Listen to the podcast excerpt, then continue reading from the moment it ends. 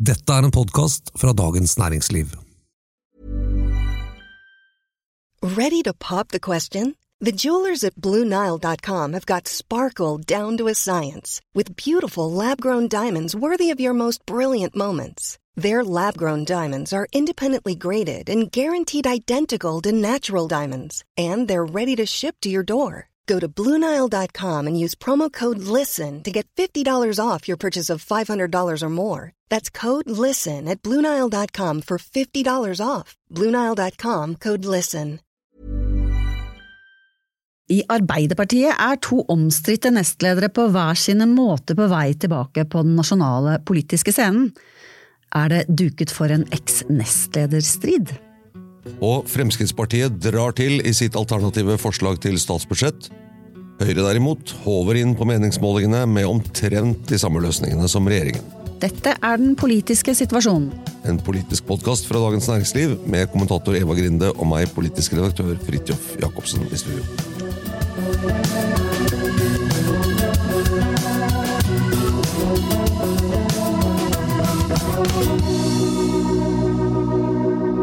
Ja.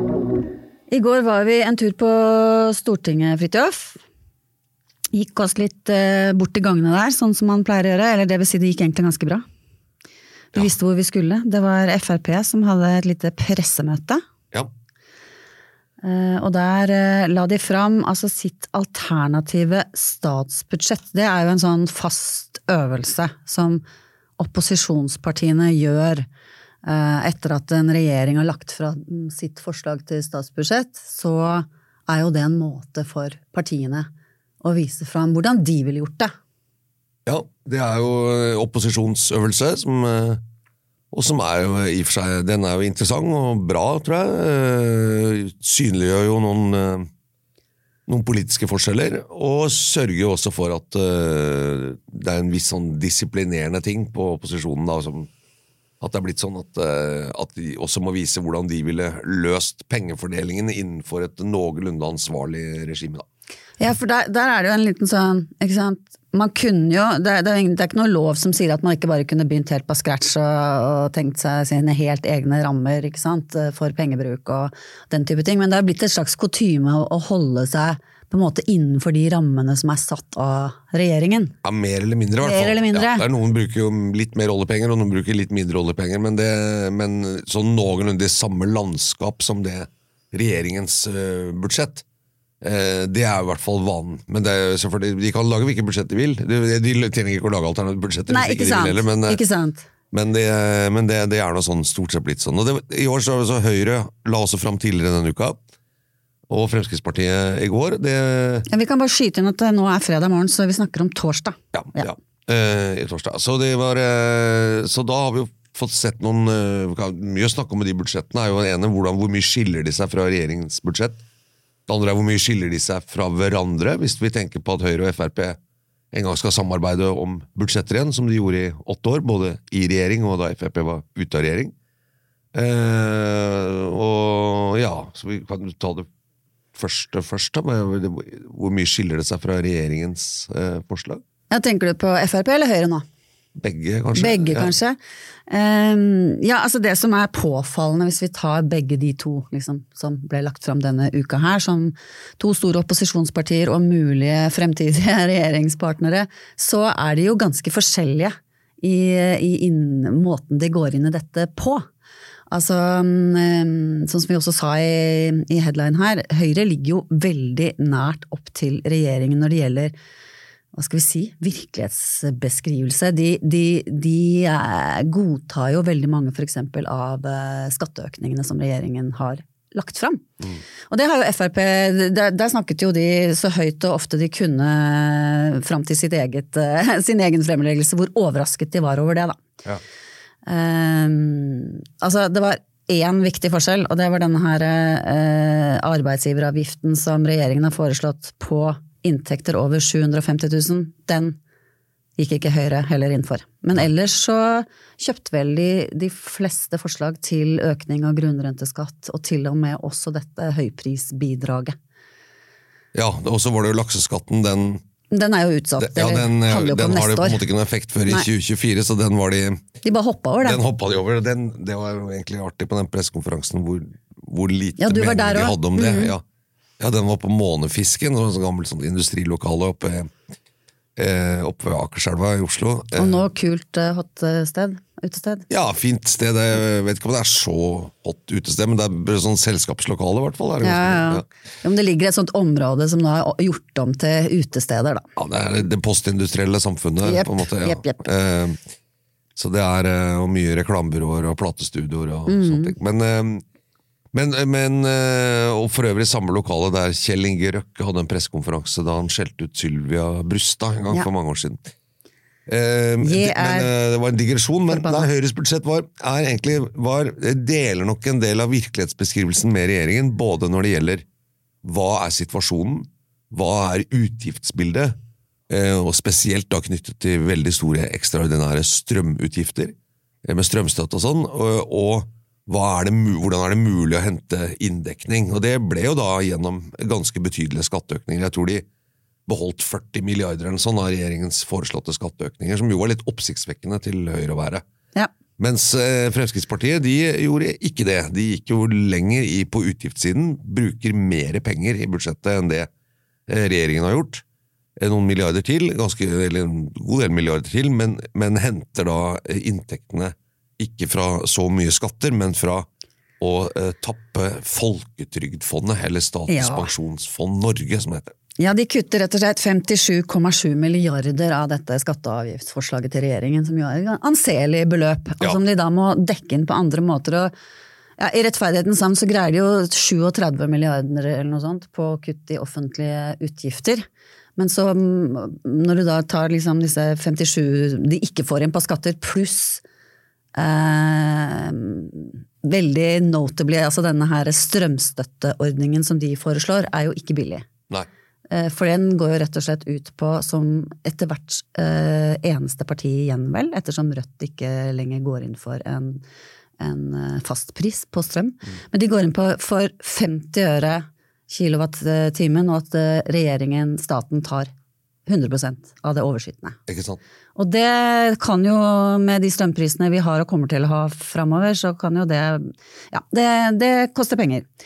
Så da i tillegg til å kutte i offentlige um, utgifter, f.eks. 3 milliarder til NRK, som jo er halve NRKs budsjett, Ja. hvor realistisk er det? Nei. Men det ser pent ut på bunnlinja. Ja. Eh, og selvfølgelig bistand og diverse ting som man kan tenke seg at Frp kutter i, da. Eh, så henter de altså 29 milliarder fra Folketrygdfondet, et fond vi har glemt. En Sareptas krukke som bare kan gi og gi. ja, ikke hvis man tar ut så mye hvert år, så blir blir det fort dumt, men Nei, men dette er jo genialt! Ja. Eller kanskje Nei, ikke. ja, eh, det, det er jo innafor. Altså, folk, Folketrygdfondet, som, eller som det het før nå, det har også fått et nytt navn. Men det er jo et fond som, eh, som eh, kom fra at det i en periode i folketrygden ble betalt mer penger inn enn det man trengte å betale ut. Eh, I en periode sånn Det motsatte av eldrebølgen. Det var for mange som jobbet, og for få pensjonister. Så, og da tok man det overskytende og satte i et fond. Eh, og det ble stort sett brukt til å kjøpe eh, eierskap i norsk næringsliv, pluss noe renter og obligasjonspapirer. Eh, Og ideen var jo å spare til pensjoner. ja, ikke sant? Det Når det i framtiden ble bruk for å ta det, altså det kunne gi en avkastning som kunne brukes til pensjoner. da.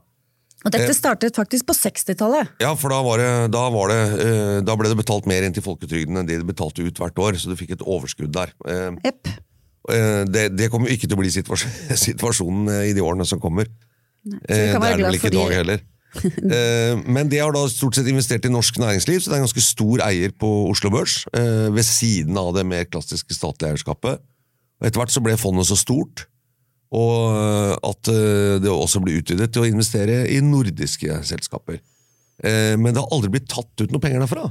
Det er jo litt morsomt. Det har aldri blitt, altså Ikke engang liksom det utbyttet og det de får på aksjene de eier, har noen gang blitt tatt ut. Det har bare blitt fondet, så fondet er blitt større og større og blitt reinvestert. Ja. Og en dag må man vel kanskje begynne å ta en eller annen form for avkastning på dette fondet.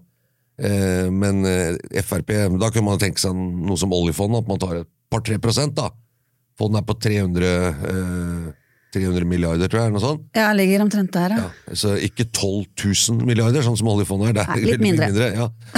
eh, men, det, men Frp ville jo da ta omtrent 10 av det. ikke sant? Ta, Ja. Det er jo ganske stort, da. Og, de, og de, de skjønner jo det at, de, at dette går jo ikke an å, å legge inn i budsjettet hvert år. Eh, Så de, de, de klokelig sa jo at dette var noe, eh, en ekstra, et ekstraordinært uttak. Altså det, fondet blir jo fort tomt hvis man skal ta ut 10% hvert år. Men la oss si man tatt ut 2% av det fondet, da, som eh, er jo en veldig beskjeden avkastning. Eh, Så hadde man hatt eh, i dag, i hvert fall 6 milliarder hvert år å putte inn. ikke sant? Det er jo ganske mye penger i statsbudsjettet. altså. Og den diskusjonen kommer kanskje, eller den er egentlig litt grann i gang. Eller ikke nødvendigvis om hvor mye man skal ta ut og bruke av det, men, men, men hvorvidt det er eh, Om det er for stort, rett og slett. Altså at, eh, til å bare bli reinvestert, og at eh, ja. Ja, hvis man holder på det at man ikke skal bruke oljefondet, eh, for at man ikke skal bruke mer oljepenger, selv om man ligger under det handlingsreglene regulerer, så på 3 så må man jo prøve å finne penger noe annet sted som ikke er oljepenger. Da. Eh, og da kan jo dette være en løsning. Ja, men det er jo litt interessant, for det, det Frp prøvde å selge inn, eh, argumentasjonen for at vi plutselig kunne hente inn 29 friske milliarder, det er at disse pengene likevel ville blitt brukt i Norge, eller på norske aksjer, da, eller norske selskaper, norske bedrifter, norsk næringsliv. ikke sant? For at hovedargumentet for å ikke bruke for mye av oljefondet, det er jo presset i den norske økonomien. Ikke sant? Ikke spy ut penger som kan drive opp priser og så renter osv. Men, eh, men eh, det er jo høyst diskutabelt om ikke disse pengene som eh, Frp nå gjerne vil ta ut fra, fra denne Det heter egentlig Statens pensjonsfond innland. Norge. Norge. Norden, ja, Nord, ja. Ja. Det heter Norge også. Nå heter det bare Statens pensjonsfond, tror jeg, fordi de også investerer i Norden. Ja, uansett. Men i hvert fall så, um, så er det um, meget tvilsomt om det ikke har akkurat samme effekt på inflasjon og eventuelt renter som det oljefondet har, fordi man, disse pengene vil jo gå til andre ting enn til å bare reinvesteres i aksjer. Altså, Ikke sant, ja. Sånn at eh, sånn, den, den eh, Det er ikke sikkert det lar seg løse på den måten. Nei, Det var litt tjuvtriks fra Frp. Det, der. Er litt men- Men det, det jeg synes var interessant nå mot eh, slutten av uken, som jo innbyr til refleksjon, var at eh, regjeringens forslag til statsbudsjett har jo skapt ganske mye brudulje og vært eh, fulgt av eh, veldig dramatiske fall, ytterligere fall på meningsmålingene, særlig for Arbeiderpartiet, men også dårlige målinger for Senterpartiet.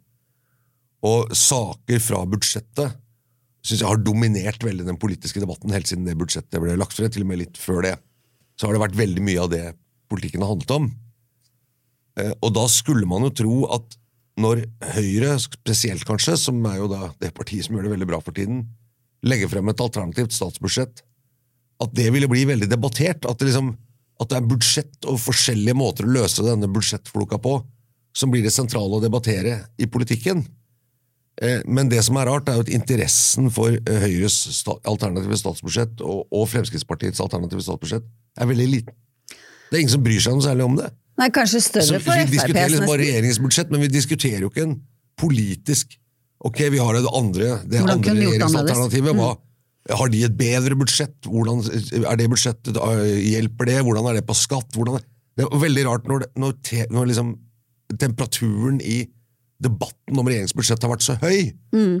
Så er det et sånn fravær av det som man burde jo da også debattert de andre alternative statsbudsjettene akkurat i år, i hvert fall spesielt når budsjettet er- er så viktig politisk sak. Men det, det gjør man ikke. Nei, men, nei, ikke sant? Vi prøver da, nå, vi prøver, vi prøver, vi skriver om det og vi snakker om det. Men, eh, men eh, Høyre eksempel var vel ikke spesielt interessert i å diskutere altfor mye om det budsjettet. Det, altså de, det er jo eh, ganske interessant at de gjør det stadig vekk. De bare vokser og vokser måned for måned, hvis du ser på disse gjennomsnittsmålingene for Poll of Polls. Sant? Nå er de over 30 i snitt hittil i november. Det er, det er høyt. Samtidig så har de veldig få alternativer til regjeringen. Eh, Det, er- altså det, det, den ene overraskelsen de hadde nå på fremleggelsen, var vel dette med barnetrygden, og da gikk de mot sitt eget program. Ja, ja. Uh, Øke barnetrygden. Øke barnetrygden, ja. Ja. Som de har, har vært imot. Men det jeg, jeg lurer på om det betyr at, at eh, fallet til Arbeiderpartiet kanskje ikke ene og alene kan knyttes til det de har foreslått i budsjettet. Jeg tror de har vært litt sånn tenkt at dette er budsjettet og måten de håndterer Det er det som gjør at men, Å nei, men og de som er- det. De som er mot en del av tingene i dette budsjettet, f.eks. de som er mot grunnrenteskatt på havbruk og sånn, Mm. eh, oppdrettsnæringen og, og lokalbefolkningen mange steder, har jo lett for å si at liksom, se her, sånn går det. ikke sant? Når du lager et sånt budsjett og kommer med den skatten, så er det 15,4 ikke sant? som det var på en måling. Men, jeg, det, men, men hvordan, hvor lite interesse det er for opposisjonens budsjett, kan jo tyde på at det kanskje at det ikke bare handler om det. altså. At budsjettet er kanskje mange er mindre interessant for folk altså, som politisk enn det man kanskje kan få inntrykk av. Det, blir jo, det, er jo, det, er, det er jo relativt mye å sette seg inn i, det er litt teknisk og ikke sant, altså, med sånn folk flest på en måte, mer Eller opptatt av budsjettsakene, da. Ja, ikke sant? ja, ja, men det mm. Høyre kan også komme unna med det, og det mener jeg er litt spesielt. Debatten om grunnrenteskatt på laks, som jo det er en ganske viktig skattedebatt, egentlig. Eh, Men de kan også komme unna med på den budsjettgreien og, og ikke ha noe mening om det. Og Ja. si sånn Ja, vi har vært mot det før. Ja, nå må vi se. Vi, ja, vi er i hvert fall mot regjeringens forslag sånn som det er nå, men ja, vi har vært mot det før. Det var liksom det. Altså, de, de, de hadde ikke noe svar. Nei, de hadde ikke det. Det og det er en luksus, vil jeg si, da, som opposisjon, som å å ha en mening om det. Ja. Nesten litt rart. Det er, eh, det er litt rart. Eh, Men det er, bare, det er jo faktisk ikke bare Høyre som vokser nå, for nå, nå begynner Eller eh, Fremskrittspartiet gjør det heller ikke så aller verst. Eh, De ligger på 13-14 og sånn istedenfor Ja, de gått opp en 3-4 prosentpoeng de siste halve året. De, de begynner å nærme seg Arbeiderpartiets målinger, faktisk. Ja, ja. Det skal vi snakke litt mer om. ja vi må det. Vi må snakke litt mer om det snart. One size fits all seemed like a good idea for clothes Nice dress. Uh, it's a it's a t-shirt. until you tried it on. Same goes for your healthcare. That's why United Healthcare offers a variety of flexible, budget friendly coverage for medical, vision, dental, and more. So, whether you're between jobs, coming off a parent's plan, or even missed open enrollment, you can find the plan that fits you best. Find out more about United Healthcare coverage at uh1.com. That's uh1.com. Hey, I'm Ryan Reynolds. Recently, I asked Mint Mobile's legal team if big wireless companies are allowed to raise prices due to inflation. They said yes. And then when I asked if raising prices technically violates those onerous two year contracts, they said, What the f are you talking about, you insane Hollywood ass? F- So to recap, we're cutting the price of Mint Unlimited from $30 a month to just $15 a month. Give it a try at mintmobile.com slash switch. $45 upfront for three months plus taxes and fees. Promo rate for new customers for limited time. Unlimited more than 40 gigabytes per month. Slows. Full terms at mintmobile.com. There's never been a faster or easier way to start your weight loss journey than with PlushCare. PlushCare accepts most insurance plans and gives you online access to board-certified physicians who can prescribe FDA-approved weight loss medications like Wigovi and Zepbound for those who qualify. Take charge of your health and speak with a board-certified physician about a weight loss plan that's right for you. Get started today at plushcare.com slash weight loss. That's plushcare.com slash weight loss. plushcare.com slash weight loss.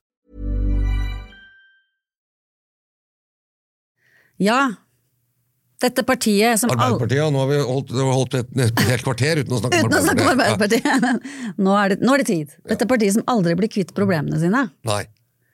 Uh, Hva skjer da? Nei, ikke sant. Uh, nei, det er, hva, hva skjer ikke? Men du nevnte jo i, in, innledningen her at det blir en slags sånn eks-nestlederstrid. Vi, vi vet jo en nestleder, Trond Giske, har jo vært veldig synlig øh, og tydelig. altså Både sy mye synlig og mye oppmerksomhet rundt han, men også med ganske tydelig budskap om Arbeiderpartiets problemer. Eh, og det er jo reportasjer fra Nidaros sosialdemokratiske forum med vafler og, og eldre mennesker osv. Men, eh, men Hadia Tajik har jo også meldt seg på, og har en litt si, høyere profil enn hun begynte å få en litt høyere profil Ja. enn hun hadde en stund. Jeg tenker at at det- Ja, eh, det har vært noen sånne små kanskje drypp eller varsler eh, på hvordan Jonas Gahr Støre har snakket om henne i offentligheten, blant annet i det eh, intervjuet under uh, Presselosjens seminar som vi snakket om i forrige podkast her, så var Støre veldig tydelig på Husker ikke helt ordvalget, men det var liksom 'hun er en viktig person, hun kan komme tilbake', det ser jeg ikke bort fra typ. Det var budskapet. Mm. Uh, og så hadde jo hun et uh, intervju med VG, var det vel, denne, for et par dager siden denne uken her. Mm. Uh, hvor hun har et veldig sånn, på vegne av Rogaland Arbeiderparti, da, et forslag om om økning av barnetrygden, men inkludert skatt skattlegging for de med høyest inntekter. Slik at de som at verdiene blir relativt større for de som har dårlig råd, enn for de som har god råd. Ikke ja. Nemlig. Ikke sant? For det, det, som er med, med denne barnetrygden, er jo denne klassiske universelle velferdsgode som har vært veldig sånn bred oppslutning om at det, det, er en bra ting. Og Samtidig så får du hele tiden det dilemmaet eh, med, med, at folk som har veldig mye penger, får også akkurat den samme summen. Setter det inn på konto så barnet kan studere i utlandet og den altså ikke sant? Sånn det, blir, det har vært veldig mye diskusjon om det. Samtidig så er det utrolig praktisk, selvfølgelig. Å bare ha én sum, ikke drive og inntektsjustere uh, den type sum. Men, men, det å da skattlegge det er nok antagelig veldig mye enklere enn å prøve å behovsprøve, ikke sant. Sånn at det, var, det er jo et litt interessant forslag. Ja, ja, da, eh, det er det. det jeg, vil, jeg, vil, si det er eh, ja, Barnetrygden har jo ligget tror jeg, fast på krona. altså Den har ikke blitt mm. justert i takt med prisøkningen. Så den er jo relativt sett blitt mye mindre verdt de siste årene. Absolutt. Eh, men de har beholdt den universelle. Alle får. Enten du er liksom Emilie Stordalen eller, eller noen andre, så får du samme barnetrygden. Hvis du har barn. Jeg vet ikke om Emilie Stordalen har barn, men du skjønner. Ja. Petter Stordalen har også fått barnetrygd liksom, i sin tid. ja. Men, men men dette har jo vært veldig sånn For meg har jeg opplevd at dette har vært noe Arbeiderpartiet har vært veldig opptatt av. Eh, vet at Jens Stoltenberg også var opptatt av det, nemlig at nettopp den universelle ting. Ikke sant? Alle får gå gratis på skole, om du er fattig eller rik. Ja. Alle har på en måte rett på Folketrygd er litt hvor mye du betaler inn, det er litt hvor mye du betaler ut, men alle får kjøre på de samme veiene. Alle, alle, får det samme tilbudet, uansett om du er fattig eller rik, og det gjelder også da eh, barnetrygd. Uh, og ideen er jo, du kan jo si, ja, trenger, liksom, trenger rike folk som har veldig god råd, trenger de egentlig de pengene? Uh, en tusenlapp i måneden, eller hva det er. Men så kan du si, ja, men de betaler jo også da mye mer penger i skatt, uh, i kroner og øre, enn andre. Og prinsippet har liksom vært at alle skal få det samme.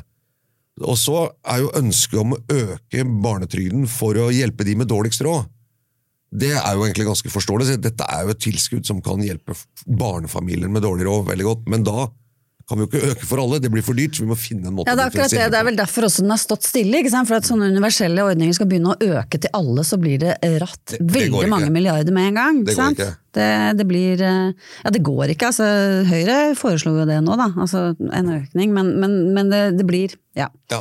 Men, mens her for eksempel så, så, mm, så la Tajik og da Rogaland Arbeiderparti fram et forslag som eh, som da, hvor, hvor, økningen ikke ville spise noen ting av budsjettet, da, fordi det kom eh, relativt mer igjen tilbake igjen i skatt. De ville skattet så ja. at det ville finansiert andre. Sånn at, at det var kanskje mest spiselig nå, akkurat nå, når vi driver og sparer inn på alle bauger og kanter. Men poenget er mer det at hun eh, går i bresjen for et eh, ja, såpass eh, til Arbeiderpartiet å være Det er jo en eh, kursendring, ikke sant. Og det er ja, et sterkt og klart forslag. Og det sier noe om hennes posisjon ja, det, i Arbeiderpartiet, kanskje? Eller? Det er jo også et aktuelt politisk utspill, for det ja. går jo inn i fattigdomsdebatten. Ja. Og, og, de som nå har veldig dårlig råd og kjenner det veldig, og de som var i Fredrik Solvangs studio, som sitter her bekymret har de råd til å kjøpe julegaver, hvordan skal julen bli, har jeg råd til?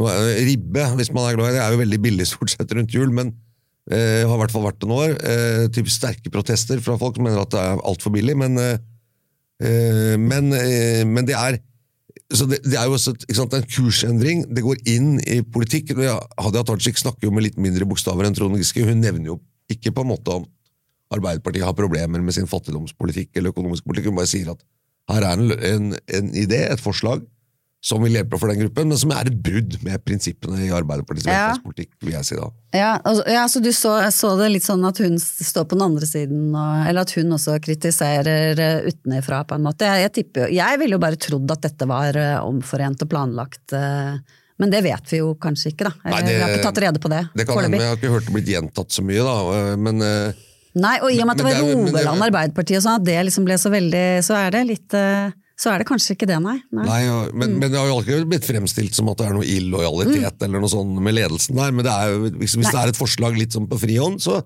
inn i noe som er betent, nemlig Arbeiderpartiets dårlige samvittighet for den økonomiske situasjonen til de som har det vanskelig i Norge nå. Eh, Så, så ligger det politikk i det, selv om hun ikke bruker så mye store ord og snakker om, om Ja, og så har hun inndekning. sånn inndekning. eh, Altså, hun, hun har jo en plan for hvordan eh, betale for det, liksom. Ja. Det er jo en forskjell også, til å bare klage på ting som, som ikke er bra.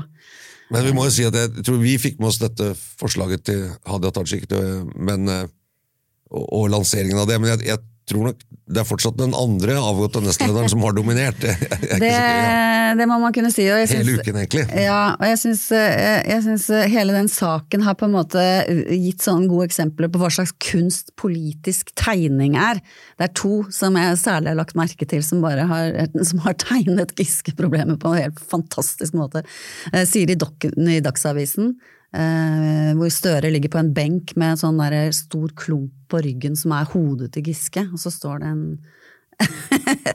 en, en doktor med skalpell og sier skal vi, skal vi skjære bort hele med all den risikoen det innebærer? Ja, Ikke sant? som en svulst. Liksom. ja, men, og, ja. Virkelig grotesk, men altså så to the point, ikke sant? Og så hadde du den andre med han eh, i VG. Roar Hagen, ja. Roar Hagen. Mm. Som, som ligger på, eh, ja, i en slags kiste. Eh, og det er noen Nidaros og sånn, eh, og, og da er det Jonas Gahr Støre som sier at eh, her gror jo både hår og skjegg fremdeles, ja. Ja, ikke sant? Selv om han er død. Ja. Heilag, heilag Trond. Heilag Olav. Ja, det, den var veldig, begge de to var veldig gode. Eh, Så det, det bare gir sånn uttrykk for eh, eh, ja, hvilket, hvordan det, det problemet oppfattes. Da. Og, så, og, og så har du jo hele denne problemstillingen med hva er det han driver og bygger opp. Dette Nidaros, som er et slags eh, lokallag slash parallell organisasjon. eh, Der man samler opp all misnøye med regjeringen eller Arbeiderpartiet, eller særlig Støre. Fra hele landet, egentlig. ja. Han vil nok protestere på den fremstillingen, Trond Giske, da, med Ja de som er medlemmer òg, men, Vet det. men det, er, eh, det er Jeg tror det er veldig komplisert. Eh, og det, altså det Trond Giskes kritikk av Arbeiderpartiet eh, er jo, tror jeg, som han sier, motivert av at nå går det veldig dårlig, og det må bekymre oss. Og her er liksom det jeg mener vi bommer på, ikke sant? Vi glemmer det, vi glemmer det, vi glemmer det, og. Og det meste av den kritikken han retter, og, og hvis man hører veldig på det han sier, så er det ikke så er det liksom ikke en sånn der spy eder og galle utover partiledelsen, og sånt, men det er en ganske presis fremstilling av en del ting det butter på i Arbeiderpartiets politiske kommunikasjon, og kanskje også politikk. Men fordi han sier det, så blir det tolket inn at det ikke har noe med politikk å gjøre, men at det, et, at det handler om hans maktambisjoner, hans posisjonering, på vegne av seg selv. Og så er det litt uklart for meg om det er det, eller om det bare er liksom retorikk. Eller gleden over å få formulere er- kritikk, eller er ambisjoner, er strategi? Det er, det er veldig uklart for meg. Det er, er vanskelig, vi er ikke inne i hodet til Giske, men han er jo utrolig smart på en måte hvordan han møter denne kritikken. Liksom, hva er det du vil med dette partiet? Nå er det 2200, var det siste jeg så. Eh, fra, liksom, vokst fra åtte for et år siden til 2200 medlemmer fra hele landet. Og da sier han sånne ting som at jeg, jeg tror ikke Arbeiderpartiet kommer til å vokse igjen eh, med at vi snakker om intern organisering av lokale lag. Eh, Så vi vil snakke om politikk. De som er opptatt av det, må gjerne snakke om dette. Ja. Og det spiller ingen rolle for, for oss eller for meg om, om de som ikke de som ikke tilhører Trøndelag, blir tatt ut av stemme, så, så, altså av antall stemmer. For det som skjer her, er jo at et sånt eh, det, det er jo reell makt eh, i å ha mange medlemmer, fordi det gir eh, det gir makt internt i valg eh, lokalt. Kjøttvekt, ikke sant? liksom, ja. Mm, Kjøttvekta inn til fylkeslaget, inn til osv. Så, så, men han- så han svarer jo på dette på en veldig sånn eh, Ja. Veldig absurd situasjon. Det er ganske absurd situasjon. Det er litt vanskelig. at de får 2000 nye medlemmer. Det burde jo egentlig ikke vært noe problem. At folk engasjerer seg politisk osv. Men, men det er klart, fordi det er han, så, så leser man nok inn at uh, er det andre motiver, er det en plattform for ja, osv. Jeg tror i hvert fall ikke det oppleves uh, som noe veldig positivt for dagens partiledelse og regjering at han holder på på den måten. Men det er ikke heller positivt, for det, altså det tror jeg man kan analysere seg fram til, at han har fortsatt en veldig polariserende effekt. ikke sant? Han har ikke en samlende effekt. Eh, ikke på partiet som helhet, men det prøver han jo Det er jo også liksom den andre delen av hovedretorikken hans. da, Det er jo dette med at Arbeiderpartiet er et, et bredt koalisjonsparti som tar opp i seg alle, og det er det jeg vil? Det er det jeg vil kjempe for å få til og sånn. Eh, mens han egentlig sitter jo og kritiserer veldig sånn fra, fra venstresiden, på en måte, mot regjeringen. Um, og et, en annen sånn som jeg syns er litt sånn paradoks oppi dette, hele det bildet av Arbeiderpartiet nå, er jo at kritikken internt, for eksempel, da, det som vi har snakket om nå fra Giske og, og Tajik og sånn, kommer jo eh, på at partiet svikter liksom de fattigste, eller de, de som er nederst, altså fra venstresiden. Mens velgerne, de går jo til høyre. Altså, hvordan skal, løse, hvordan skal Arbeiderpartiet løse sitt problem eh, med å gå lenger til venstre?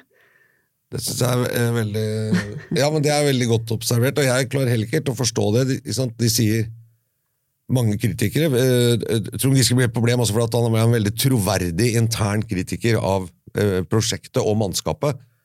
Eh, og Derfor så blir han så mye brukt i pressen og sånn. og han og det, Denne kritikken, hvis den hadde kommet utenfra, fra aviskommentator eller andre, så hadde ikke det ikke vært så farlig for dem, men det er nettopp fordi at det kommer innenfra som gjør det litt ekstra farlig. Og dermed kanskje kan være på en måte litt illojalt da, eh, mot partiet i en vanskelig tid, eh, eller regjeringen. Men, men det som er interessant, er også fra LO-siden, er å- AUF-leder Astrid Hoem var også ute i VG med noen krav til hva hun mente Arbeiderpartiet måtte gjøre. og det, var, det si at det var å trekke det enda lenger mot venstre i den økonomiske politikken. Altså, de kjemper om venstreposisjonen, Ja, De sier å, ja, hvorfor går det dårlig, ja, for vi har ikke gått langt nok til Ja, venstre. Men ja. jeg vil si at med dette budsjettet, og i og for seg også Hurdalserklæringen, så syns jeg jo Arbeiderpartiet har gått mye lenger til venstre enn de har gjort på veldig lenge. Ja, det er akkurat det. Eh, og også litt i valgkampen. Og, og med budsjettet så har de gått liksom enda lenger til venstre. Det er ganske radikalt skatte, skattegrep i det budsjettet. Og retorikken rundt det, og dette skillet mellom over og under 750 000 og sånn. Men Mens velgernes svar er jo ja, det er vi ikke noe fornøyd med. Nei. Og så sier de å ja, nei, men da må du gå enda lenger til venstre. Da vil jeg tenke at ja, Jo lenger du går til venstre, jo mer misfornøyd blir jo Ja, men velgerne det var akkurat det, det, var, det var akkurat det som var poenget. Så jeg tenkte liksom også at de greide å fremmedgjøre på en måte disse lilla velgerne, ikke sant, høyt utdannede damer i byen og sånn, som vi skrev om eh, allerede i valgkampen. valgkampen. Og så kommer de og vinner valget, og så lager de politikk, og så kommer en situasjon hvor alle disse vanlige folka som de skulle ta seg av, ikke får det de skulle ha, de heller. Ja. Men da velger de, mange av de i hvert fall, ser det ut til, eh, Høyre. Ja, og, og samme for Senterpartiet. ikke sant? Det er sånn, Vi reverserer fylket, vi trøkker igjennom noe oppsplitting av, av Viken og en del fylker og kommuner osv. Så, videre. så var det for velgerne sånn ja, nå går det, nå går det helt ned på, på læret. ikke sant? Eh, Og det er jo men det slutter aldri å forundre meg, og det tror jeg er noe med, med LO og Arbeiderpartiet også, er at når det går dårlig, så fordi man liksom har satt i en viss retning, så er det noen som sier at hvis vi bare gir enda mer gass i denne retningen, så vil det løse seg. Det er bare at vi har ikke gjort nok.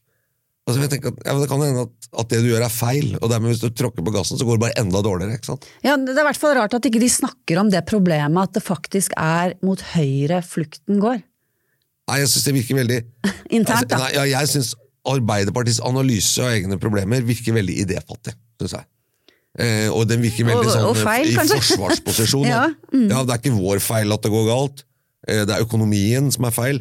Selvfølgelig spiller det en rolle at folk enten får dårlig råd, eller er veldig redd for å få dårlig råd, eller redd for sin egen økonomi, kanskje også redd for arbeidsplassen sin. Som hvor mange bedrifter er pessimistiske, og det er dårlige tider og innsparing osv. Det virker selvfølgelig inn på det politiske humøret. Eh, Men, eh, men jeg tror ikke liksom, hvis man må si sånn Dette kan vi ikke gjøre noe med, det, vi, dette, vi får bare sitte og ri det ut og håpe at folk får litt bedre råd igjen. Ja. Og så skal det løse seg. Jeg, jeg tror også man må begynne å hvert fall tenke over at ok, har vi lagt i en politisk kurs som er for smal, er for snever? Er det, funker det? Har vi tolka mandatet eller det vi fikk fra velgerne, har vi tolket det litt feil? Eh, gir vi for mye gass i en spesiell retning? Burde vi være litt roligere? Men det, den evnen der til refleksjon virker ikke som det er kommet noe særlig. da. Nei, jeg, bare lurer på, for det, man har, Vi har snakket om liksom, sammenlignet med Mette Fredriksen i Danmark flere ganger her, og, og der, eh, der, begynte hun altså De også kjørte jo denne eh, vanlige folk-distriktene, ikke sant, eh, og vant veldig fram på det. Um, men så, så begynte det å gå skikkelig dårlig, og da da har de eh, lagt om mer og vært mer aktive vis-à-vis velgere i byene og mer urbane og, og, den type ting. Så Kristin Clemet skrev veldig morsomt om det, hvordan mm. Mette Fredriksen på en måte plutselig var opptatt av helt andre ting. Og at hun bruker seg selv veldig sånn i, i kommunikasjonen, da. Eh, så det, jeg vet ikke om det er noe vi kommer til å se her. Nei, men jeg tror hun, hun legger om kursen mye raskere da. Ja. Her er det veldig, veldig sånn altså Jonas Gahr Støre har sagt Ok, ja, det går dårlig. Nå skal jeg snakke med alle. Jeg skal hente råd. Nei, nærmest som om du på en måte ikke lager noe selv, du skal bare ta en bestilling fra partiet eller fra LO og andre ting. og det, det, det, det tror jeg ikke kanskje funker så bra. Eh, den, den partilederen må være den som har de skarpeste politiske instinktene og evner å omsette det på en måte som gjør at partiet klarer liksom, For eksempel det Jo, vi vil i den og den retningen, hvor fort skal det gå? Sant? Er, går vi for fort frem, så fremmedgjør vi folk.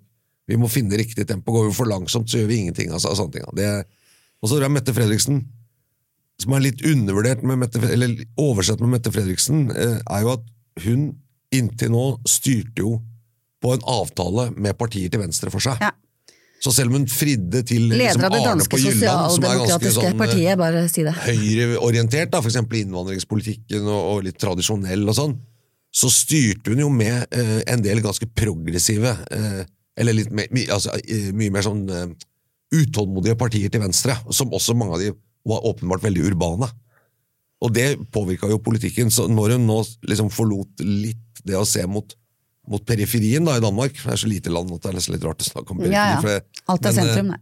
Men så, så, er det ikke sånn at, hun liksom, at det var så omlegging, for politikken hun hadde ført sammen med de partiene, var jo ikke så ensidig liksom, eh, orientert mot Arne på Jylland som det Eh, som det man kan få inntrykk av. da. Nei, nei. nei, nei men, det, men, eh, denne retorikken spiller jo ofte en rolle også. Men Mette Fredriksen i Danmark er jo blitt et sånt politisk argument som alle som vil ramme regjeringen kan bruke hele tiden. Ja, ja. Ikke sant? Ja, se, De der har det krise, der går ja. det bra. Ja, Hvis du bare hadde gjort det som Mette Fredriksen, hvis du bare hadde gjort det som Mette Fredriksen, men jeg, ja, jeg tror ikke det er ikke alltid holder ikke helt inn. da. Eh, helt inn Nei, det er mange forskjeller, men, jeg, men, men akkurat den der omleggingen til Arne, og så kanskje en liten sånn oi, nå gikk vi visst litt for langt unna eh, et ganske viktig velgergrunnlag, som, mm. som har utdannelse og bor i byene og sånn. Ja, ikke sant? Det blir som et band. da, Du, du må spille hitsene. ikke sant? Ja. Du kan ikke komme på konsert og si i dag skal vi bare spille musikk som ingen har hørt før. da. da det, det, blir ikke så populært. yes. Nei, ja, Nei, men så bra. Ja, men.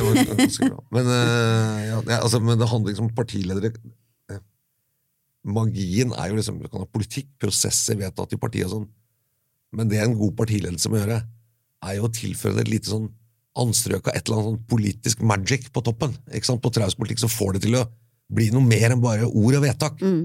Og det, er, det, det syns jeg verken Jonas Gahr Støre eller Trygve Slagsvold Vedum har liksom vist helt den evnen da, i regjeringen, vil jeg si.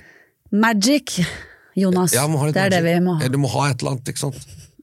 eh, ellers så hadde du kunne, kunne du bare, tenkte du ikke ledere, kunne du bare hatt folk som satt og leste. Ikke sant? Ja. Men, men. Eh, yes. Jeg vet ikke hvor mye magic det ble her, men Nei. det er over. jeg tror det ble en god del magic, ja, faktisk. Det. Ja, det var i så fall du som sto det.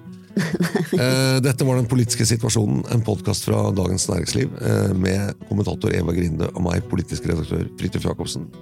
Oss kan du høre hver uke der hvor du hører podkast. Produsent heter Gunnar Bløndal, og vi høres igjen til uka. Det gjør vi. Ha det bra.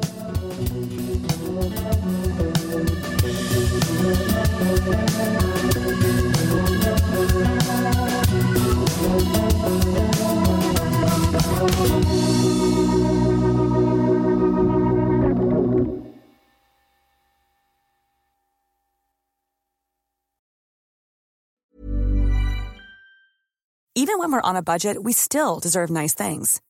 Quince is a place to scoop up stunning high-end goods for 50 to 80% less than similar brands.